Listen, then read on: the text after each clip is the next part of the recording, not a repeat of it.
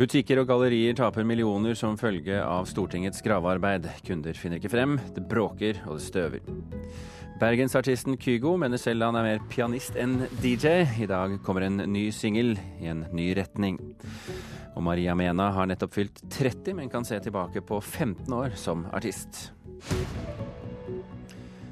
Og du møter henne her i eh, Kulturnytt om ikke lenge, og Fredagspanelet diskuterer minnested eh, på Sørbråten, 3D-film og Paradise Hotel. Det er til å grine av. Det sier eieren av kunstgalleriet og butikken Mesterrammer, som har måttet stenge som følge av Stortingets gravearbeider i Oslo sentrum. Stengte gater, støy, støv og skitt har ført til at elleve bedrifter taper millioner av kroner, og nå vurderer gårdeieren å gå til søksmål mot Stortinget. Hei. Eh, Øvre Vollgate 1, det er, er det helt ned mot Rådhusgata? Jeg skal møte Georg Ullmann, eier av butikken og kunstgalleriet Mesterrammer. Men det er vanskelig å finne frem. Gravemaskinene står rett utenfor vinduet, og kunstverkene har han flyttet lenger inn i butikken. Det er Stortinget som bygger nytt post- og varemottak under bakken.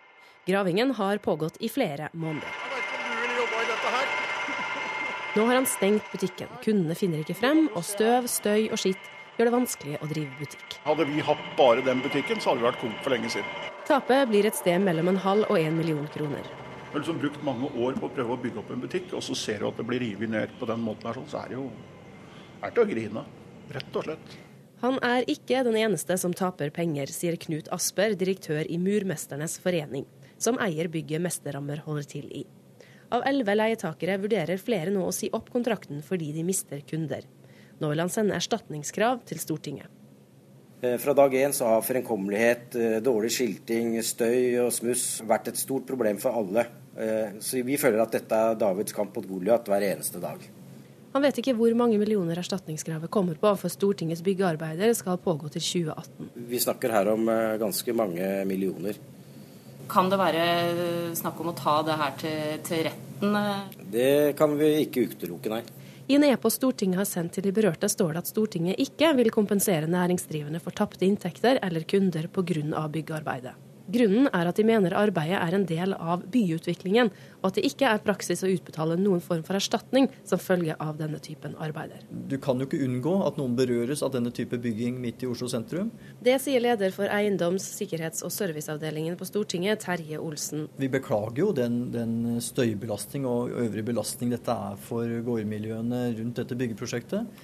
Han presiserer at hvis de berørte har blitt skadelidende utover det man med rimelighet må kunne forvente i slike byggesaker, vil de vurdere eventuelle krav fra sak til sak. Olsen sier at Stortinget har hatt møter med de berørte og besluttet at boring skal skje etter normal arbeidstid. De har også inngått avtaler om jevnlig vask av fasader, vinduer og lokaler som blir berørt. Murmesternes forening utelukker heller ikke å gå til rettslige skritt. Det har jeg, jeg kan ikke gå inn i den saken nå, men vi ønsker jo som sagt å, å være i dialog og prøve å finne de beste mulige tiltak som kan fungere godt for gårdeier og leietagere. Det er vårt mål hele tiden under en krevende byggeperiode. Reporter her, det var Eirin Venås Sivertsen og Monica Rikoll. Vi skal eh, starte i dag eh, artist, unge artister-bonanzaen vår. Eh, Vi får snart besøk av en som platedebuterte som 16-åring, opptrådte i USAs største TV-show som 18-åring og laget flere topphits i flere land, vunnet mange priser, og feirer 15 år som artist allerede når hun så vidt har blitt 30. Det er ikke mange som kan skilte med en sånn liste, men Maria Mena kan. Akkurat nå så har jeg ikke sovet på lenge fordi jeg har sånne, sånne forferdelige mareritt om at jeg leser Dagbladet og det står to, liksom. eller Nei! Det er ikke så rart at Maria Mena var nervøs mens hun venta på sin aller første plateanmeldelse. Selv om hun allerede hadde slått igjennom med et brak med singelen 'Lullaby', så var Oslo-jenta fremdeles bare 16 år da hun ga ut debutplata 'Another Face'. Men publikum elska den unge artisten. Debutplata solgte til platinum, og Mena ble nominert til hele tre Spellemannspriser. Jeg får ikke én. Jeg er ikke nervøs for at jeg vet at jeg ikke skal vinne, så jeg kan egentlig bare sette meg ned og kose meg og se på showet. I 2004 kom oppfølgeren 'Mellow', hvor Maria Mena for alvor fikk oppmerksomhet utenfor Norges grenser. Singelen 'The Only One' kom inn på Billboard-lista i USA. Og samme sommer ble hun invitert til Statene for å varme opp for brødrene Hansen, og for å spille live på David Latman Show foran flere millioner amerikanske TV-seere. Etter å ha fått flere nominasjoner mottok Maria Mena sin første Spellemannspris i 2009. Den vant hun i kategorien Beste kvinnelige artist for fjerde albumet Cause and Effect, og kom som et sjokk på artisten sjøl. Jeg trodde ikke jeg skulle og nå har det altså gått 15 år siden Maria Mena fikk sin første platekontrakt. Hun har solgt til gull og platinum både i Norge og utlandet, blitt nominert til tolv Spellemannspriser og blitt tildelt Norges Artistforbunds ærespris. Og nå er hun aktuell med sin sjuende studioplate. Og alt dette rakk hun å gjøre før hun fylte 30.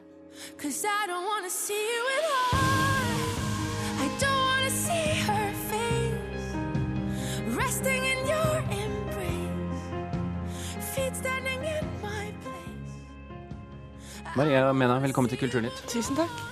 Du holdt konsert i Amsterdam på tirsdag. Den 13. utsolgte konserten på samme stedet. Hva er det med deg og Amsterdam?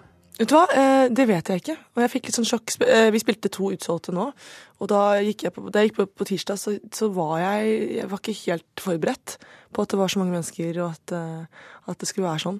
Så det, det var jeg det sånn, Jeg må bare på en måte forberede meg på å gå på scenen noen ganger. Jeg aner ikke. Men der er jeg på en måte like stor som her. Ja, og det er jo ikke verst, men det Og det er jo supert å kunne turnere til og med altså, skjønner du, det er, Sånn sett elsker jeg det jo. Å kunne dra på en litt lengre turné fordi at jeg skal til et annet land. Men du, du, er jo også stor i Tyskland? Ja, der kan jeg også turnere. Ja. Og få, få med alle de landene jeg, jeg kan, altså. Men, men, hva tror du det er eh, som gjør at du har slått igjen nettopp eh, Nederland og Tyskland? Altså Hvis jeg ser på de låtene som har slått igjennom, så er det jo eh, sånn Just Hold Me All This Time som er størst der. Um, jeg vet ikke. Kanskje, er, uh, kanskje de er fryktelig glad i powerballader. Men det, det, som etter hvert har gjort at de kommer tilbake Det er jo ikke alltid jeg har en massiv hit i disse landene her i det hele tatt. Og mm. Tyskland spesielt er et sånt land som du Altså, det er sånn som USA at hvis du først slår gjennom, så er det kjempestort. Men det er også et sånt territoriested, så det å f.eks. promotere, da må du bruke i noen måneder, altså. Mm. Um, da er det vel fordi at jeg er den jeg er på scenen og, og snakker med publikum på en personlig måte. Jeg tror det. Jeg tror at de kommer tilbake fordi de føler seg velkommen og inkludert. Så er det jo også personlig i dine tekster, så det kan jo kanskje være noe med det. Altså, Vi vet jo bl.a. at Kari Bremnes jo, har jo hatt stor suksess i Tyskland, men det er jo ingen som skjønner en puck av hva hun synger om. Vet du hva, Det der er så gøy med det landet der. At du kan faktisk være norskspråklig og stikke dit, og så er det bare De er fascinert, bare. Mm. Ja, Det er et sånt land også, da. Jeg er veldig glad i å gå på konserter. Men eh, ja, det er nok den personlige tingen. Vi connecter. Eh, eh, noe annet som er rart. altså Du skal jo nå spille i, i, i Stockholm på søndag. Eh, og vi hørte for ikke så lenge siden her i Kulturnytt at ingen svensker kjenner noen nordmenn omtrent. Norske kulturpersonligheter omtrent. Hvordan er det for deg når du spiller i Sverige? Vi selger ut. Jeg har et, altså, jeg Kanskje de ikke skjønner hva, at du er norsk? Det som er så spennende med musikk nå, spesielt også pga. streaming, og sånn, er at vi vet ikke helt hvor man, man treffer, egentlig. Jeg tror plateselskapene jobber febrilsk med å finne ut av hvor territoriene er. Eh, ettersom man ikke selger så mye plater lenger. For Før kunne man jo si at da jeg solgt til gull i, i Spania, da kan jeg dra dit. Eh, jeg har opplevd å være nummer én i Hellas og i Spania og ikke vite det. og så har jeg dratt dit. Jeg tuller ikke, jeg dro til Hellas, og så ventet det masse mennesker på meg på flyplassen, og så skjønte jeg ingenting.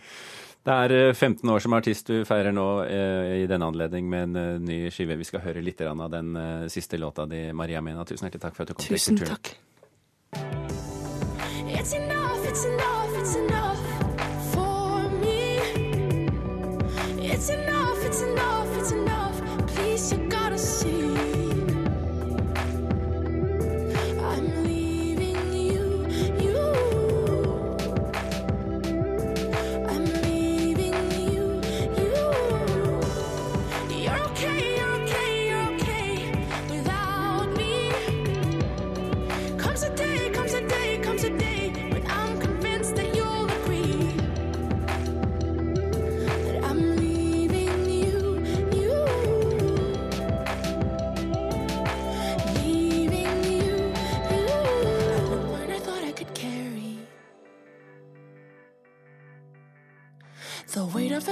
myself. Our differences just wouldn't marry. I had to beg for help. Got it from someone else. Leaving you, Maria Mena. 15 år som artist i år, altså, i en alder av knapt 30. En annen nordmann som eh, for tiden er eh, mye omtalt internasjonalt, det er bergensartisten Kygo. Han har et enormt publikum som eh, innen sjangeren elektronisk dansemusikk. Selv mener han at han kanskje er mer pianist enn DJ, men det er altså danserne som ventet i kø når singelen nå 'Fragile' ble sluppet i natt.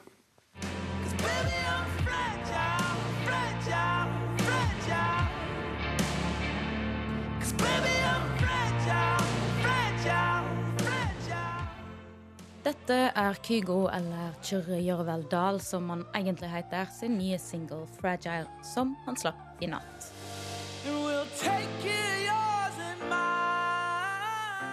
Sammen med den britiske vokalisten Labyrinth viser sangen en ny side av artisten, ifølge han sjøl. 'Fragile' er en, en, helt annerledes låt i forhold til alle de andre låtene jeg har produsert. Og det var egentlig bare jeg hadde lyst til å, å prøve å gjøre noe nytt.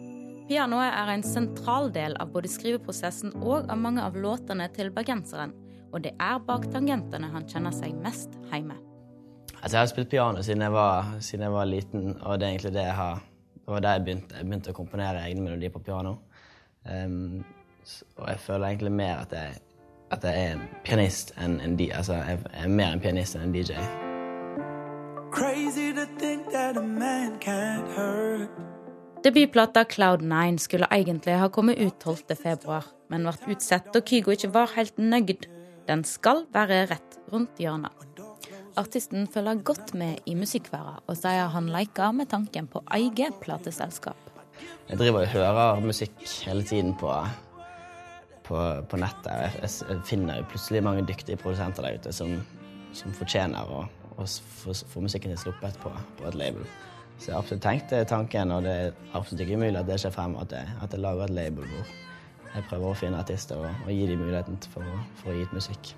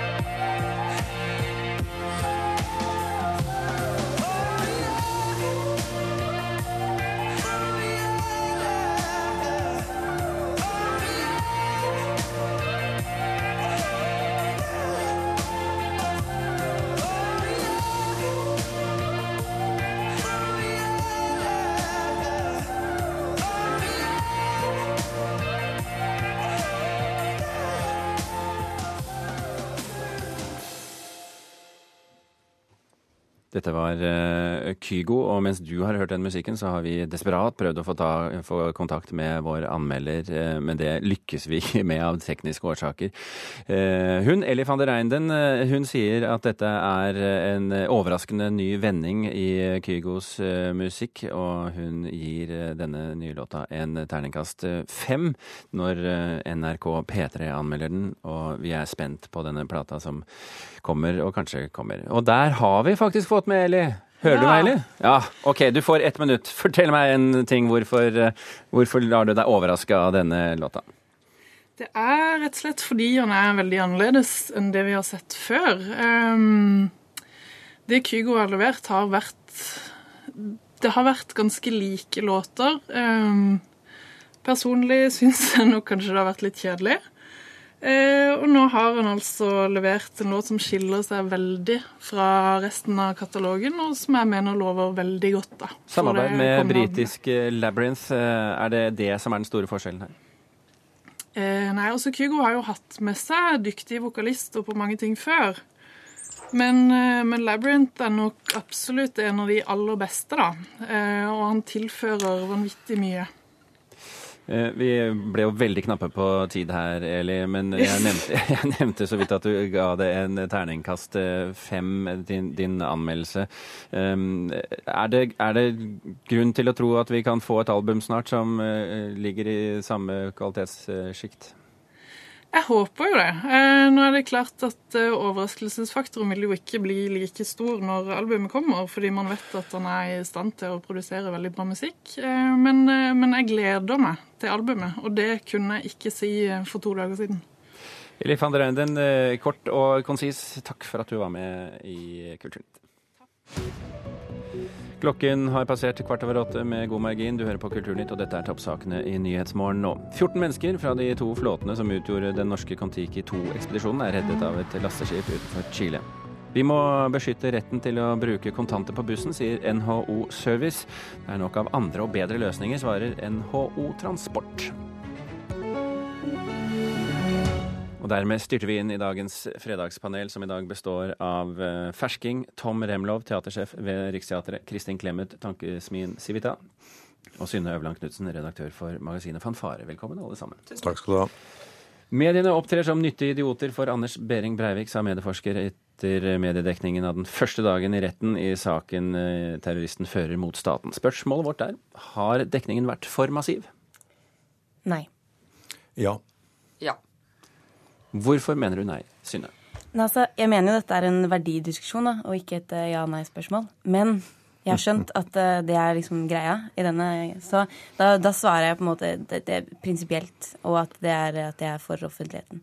Uh, men, uh, men, jeg tenker jo, hvis jeg får lov til å ta litt verdidiskusjon likevel, så handler det jo om hvordan man gjør det. Så jeg sier nei, men jeg mener jo, måte, jeg mener jo med hele meg ja. Du mener at det er for mye for deg, men at vi må tåle det prinsipielt? ja, jeg snakker bare for meg nå. Nei men, eh, nei men, det er jo litt sånn Hva slags journalist har vi lyst på? Eh, og jeg tror jo vanligvis man snakker om liker jeg det, eller liker jeg ikke det. Men eh, når på en måte faktisk det er en sak som er kompleks da, og alvorlig, og eh, det er noe som man faktisk må diskutere, så blir det kanskje litt mer synlig og da funker det faktisk ikke lenger da, med mm. store bilder og store overskrifter. Tomrello. Ja, ja, motsatt inngang. Ja, sier jeg jo et rungende ja. For jeg mener virkelig at dette i utgangspunktet uh, lå an til å bli, og i noen grad også er blitt, en slags pressekonferanse for uh, Breivik. Uh, samtidig så er jeg jo helt enig. Det er et verdispørsmål i, i bånn her. Altså, dette er en, det er en reell sak. Og følgelig så skal den ha dekning, og den vil engasjere oss. Eh, men det er jo pressen vi snakker om akkurat nå. Eh, og jeg må nok si at pressen får i hvert fall, eller mediene får være oppriktige med at de også, i likhet med f.eks. oss i teaterbransjen, vi er avhengig av plakatnavn. Og Breivik er et plakatnavn. Han selger rett og slett nyheter. Han selger resten av det media holder på med. Så det er klart de løper etter det. Men dette er jo børs og katedral, Tom Remlov. Ja. Du driver jo ikke helt med det samme, men til en viss grad? Jeg syns jeg driver med det samme til de grader. Men eh, forskjellen mellom meg og media i denne sammenheng er at jeg vedgår det, og media har hittil ikke vedgått det. Kristin? Jeg svarer ja fordi jeg syns den samlede dekningen blir for massiv. Altså Jeg er lei av mannen, jeg er lei av dekningen. Jeg er litt lei av også de litt sånn pompøse forklaringene fra pressen om offentlighetens interesse. For at, jeg skjønner jo selvfølgelig at dette er offentlighetens interesse, men, eh, men det er klart at de, dette her brukes også eh, for å konkurrere, som eh, Tom sier. Eh, samtidig kunne jeg svart nei, fordi at alle skjønner at pressen ikke kan samordne seg i et demokrati. Eh, de opererer hver for seg, og de konkurrerer. Så til syvende og sist så koker jo dette ned til det enkeltmennesket i pressen og den enkelte redaktør. Hvor mye vil de være med på dette? Og jeg tenkte på det selv faktisk eh, fordi jeg er på Twitter, og der har jeg 50 000 følgere. Det er jo en liten avis og vel så det. Og så kom det en tweet eh, fra The Independent hvor det var bilde av Breivik med nazihilsen. Og så skrev The Independent de som tror at det bare er muslimer som er terrorister, se på dette bildet. Og det var jo en ganske fiffig liten beskjed eh, og lite statement. Så skulle jeg akkurat til å retweete den. Men så tenkte jeg da gjør jo jeg også det. Og sender dette bildet av Breivik med nazihilsen til 50 000 til. Og så lot så jeg være, da, fordi jeg var så veldig moralsk. Ja, da. Ja. Nei, men jeg mener det er, det er vanskelig. Det, det, ingen kan pålegges å dekke dette på en spesiell måte. Men det er klart at han på mange måter får det akkurat som han vil. Eh, at dette, dette bildet med den nazihilsen at det spres over hele verden i rekordfart. Men det er jo, det er jo, det er et interessant er et dilemma, da. Det er et, ja, veldig interessant dilemma. Fordi at på den ene siden så skulle, skal man da la være å formidle? Nei, det er, dette er et dilemma. Men du spurte er det for massivt. Ja, det, ja det, resultatet blir etter min mening for, for massivt. Men jeg har ikke noen gode virkemidler å sette inn eh, mot det. Det må være opp til hver enkelt ja, redaktør. Kristin utlyste jo et redaktøransvar på ja, sin Twitter-konto, og det er vel det vi på en måte etterlyser. Ingen ytterligere kommentarer, Synne? Du er Jo, mange, men de går altfor dypt, og er, da, da kommer vi oss ikke herfra, tror jeg. Nei, vi hopper videre. Vi har jo to spørsmål til på eh, kort tid. Eh, vi tar nummer to. Publikum gidder ikke lenger se film i tre dimensjoner på kino. I hvert fall har eh, interessen for 3D eh, gått eh, nedover i det siste. Spørsmålet vårt er var 3D-filmen og all den hypen rundt det rett og slett en gimmick? Tja. Nei. Nei. Hvorfor nei, Tom? Det fordi det er en utforskning av eh, skal vi si, billedmediets eh, og filmmediets muligheter. Eh, Det er bare at det er kommet for kort. Um, og da, da eh, står man igjen med en gimmick, i hvert fall i stor grad. Ja, det er for dårlig, rett og slett? Det, ja, det er for dårlig. eh, og Det er både for dårlig teknologisk og det er for dårlig utnyttet. Um, vi, laget, vi laget en film um, på Operaen i min tid der uh, om operaen som bygning. Det var Margaret Olin som laget den i et, som del av et større prosjekt, internasjonalt prosjekt om forskjellige uh, spektakulære kulturhus rundt om i verden, hvor 3D-teknikken ble brukt. Jeg må si, Den måten hun som regissør utnyttet det visuelle virkemidlet som 3D var, det var fenomenalt. Samtidig så må jeg nok si da jeg så, selv så filmen for annen gang, så tok jeg av meg brillene etter fem minutter, for da var jeg ferdig med det og var mye mer interessert i resten. Fikk du til å se på filmen uten brillene? Ja, absolutt. Uten noe problem. Ja, Det sier jo litt, da. Men, eh, men det her har vi litt sånn store forventninger, og eh, det er litt som kan imøtekomme det. Men eh, potensialet i 3D har jeg troa på. Eller, og jeg tror, altså, eller jeg vet, fordi her om dagen så så jeg Love på kino. Eh, altså den filmen med ekte, på, ekte sex på sett, eh, som eh, er i 3D. Og det var jo en sånn Der var det jo hypa den 3D-effekten. Eh, og jeg tenkte sånn Nei, nå kommer jeg hit, og jeg har store forventninger om den 3D-effekten. Eh, og kommer til å bli så skuffa. Men jeg, det, det var faktisk oppsiktsvekkende, da. Så hvis det er en gimmick, så er det beviselig en ganske eh, sterk og virkningsfull gimmick, da. Altså, De to andre har sikkert rett. Det er sikkert bare det at det stopper opp litt fordi den teknologiske utviklingen ikke er kommet langt nok. Men det er ikke lett å si, for det kommer jo av og til sånne eh, teknologiske løsninger, og så forsvinner det. Det, ble en flopp. Og andre ganger så er det bare fordi det ikke har kommet langt nok. Eh, Jeg har ikke sett så mye på sånn film, men jeg syns det virker utrolig forstyrrende å se seg rundt i salen. Alle ser jo ut som fluer. Eh, Og det er Jeg, synes, jeg har ikke sett noen gode filmer med dette. Så det kan jo være mange grunner til at dette ikke funker foreløpig, men, men vi får, får vente og se. Du Eh, fikk jo på sett og vis et tips av Synne her, da. Love i 3D. Ja, ja, det, det hørte jeg. det hørte jeg. Kanskje prøve det. Men, eh, men altså, det var noen som sa til meg at kanskje hele den spillteknologien har kommet og på en måte eh, utkonkurrert da, eh, dette, og gjort det, at det er blitt mindre interessant. Jeg vet ikke. I dag syns jeg Kulturnytt er litt morsom med spørsmålsstillingen. da. Eh, er Det sånn eh, det er sånn boka skal dø, og vinylen skal dø, og plata skal dø og sånn, og nå er det sånn 3D skal dø. Men da lurer jeg liksom, hva kommer etter 3D? Enda bedre. Ja. Men, men det, er jo et, det er jo et poeng i South by Southwest. Der er jo 3D og spill det store eh, nye, så vi får diskutere det ved neste korsvei. Vi har jo et spørsmål til, nemlig Paradise eh, Hotel. Vi sitter jo her med tre de- paneldeltakere som alle eh, har folk ansatt. Eh, Og det vi lurer på, nå som den åttende sesongen er i gang 5000 ungdommer søkte. Det er kjempepopulært å, å være med. Men programmet har fått kritikk for å være uansvarlig, og det er mye rart som foregår, og det er mange som dummer seg ut. Spørsmålet vårt er ville du ansatt en person som har dummet seg ut på Paradise Hotel, Kristin? Tja. Tom? Ja. Ja. Ja.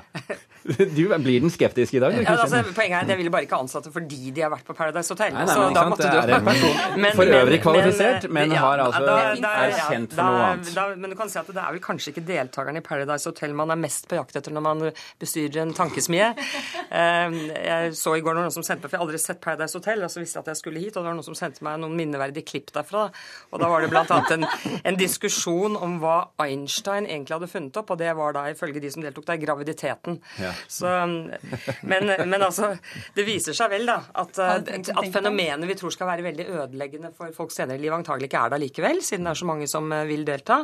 Men det er klart, hvis du, ambisjonen din er å bli konsernsjef eller statsminister, så tror jeg kanskje at jeg hadde valgt andre sysler enn Paradise Hotel. da. Altså, jeg har ansatt folk med atskillig mer tvilsomme innslag på CV-en enn dette. Hvorfor jeg sier så klart ja, er for at dette viser altså Mennesker som har gjort dette, eh, har en ambisjon og har en risikovilje, eh, er eh, oppsøkende og, og ja, et, et, stykke på vei også ukonvensjonelle. Um, og det er et viktig trekk i min rekrutteringspolitikk i hvert fall. Så er det akkurat som, som Kristin sier, at det, man ville ikke ansatt dem av dette, men det ville ikke på noe vis vært et hinder. Mm. Men, men, jeg hørte nå, jeg vet ikke om det er tilfellet, men jeg hørte at eh, jeg følger da ikke den Breivik-saken så nøye, for jeg syns dekningen er for massiv, som vi sa. Men jeg hørte at han hadde sagt at han var hjerneskadet. En av grunnene til det var Eller en av bevisene på det var at han nå så på Paradise Hotel. Han likte det. Mm. Han likte det. Synne? Ja, det er jo um, kunstnere eller innenfor kunst, kunstnere som snakker, da. Og det er jo ja, det er et karaktertrekk eller en opplevelse man kan sikkert spille med på, da. Hvis man uh, hvis eh, alt ligger til rette for det. Mm. Og så tenker jeg at det er noe med opplevelsesbagen. At den, det, er, det, er, interessant at den er rik, da, mer enn akkurat hva som er oppi den. Uh, men, men, det er jo en dimensjon til, og det er at mennesker som da har gjort dette og virket der, de sitter med en erfaring fra et felt som åpenbart opptar fryktelig mange mennesker, mm. inklusive herr Breivik. Det vil også være en grunn til å rekruttere dem. Men veldig ofte så hører vi jo at uh, man må passe seg for å være med i sånne realityshow, fordi at uh, hvis man har dummet seg ut, så kan man aldri få jobb. Og det er feil, det da. Må man passe seg for noen ting? Ikke sant? Det, det, jeg var, var, utdanningsminister for snart 100 år siden, og det, veldig, og det er det fortsatt veldig mye debatt om hvor skjøre ungdommene våre er. De er så skjøre at hvis man forteller hvordan det går med skolen deres, så kan det være stigmatiserende. Jeg syns det er så morsomt at disse fenomenene lever side om side. At vi på den ene side må beskytte dem mot at de får vite at skolen deres går litt dårlig eller litt bra, sånn gjennomsnittlig. Og hvor mange mennesker som stiller opp på Idol og Paradise Hotel og eh, Farmen og hva det heter, og vil vise seg frem, selv om de også dummer seg ut, da. Og hvor klippene ligger der til evig tid.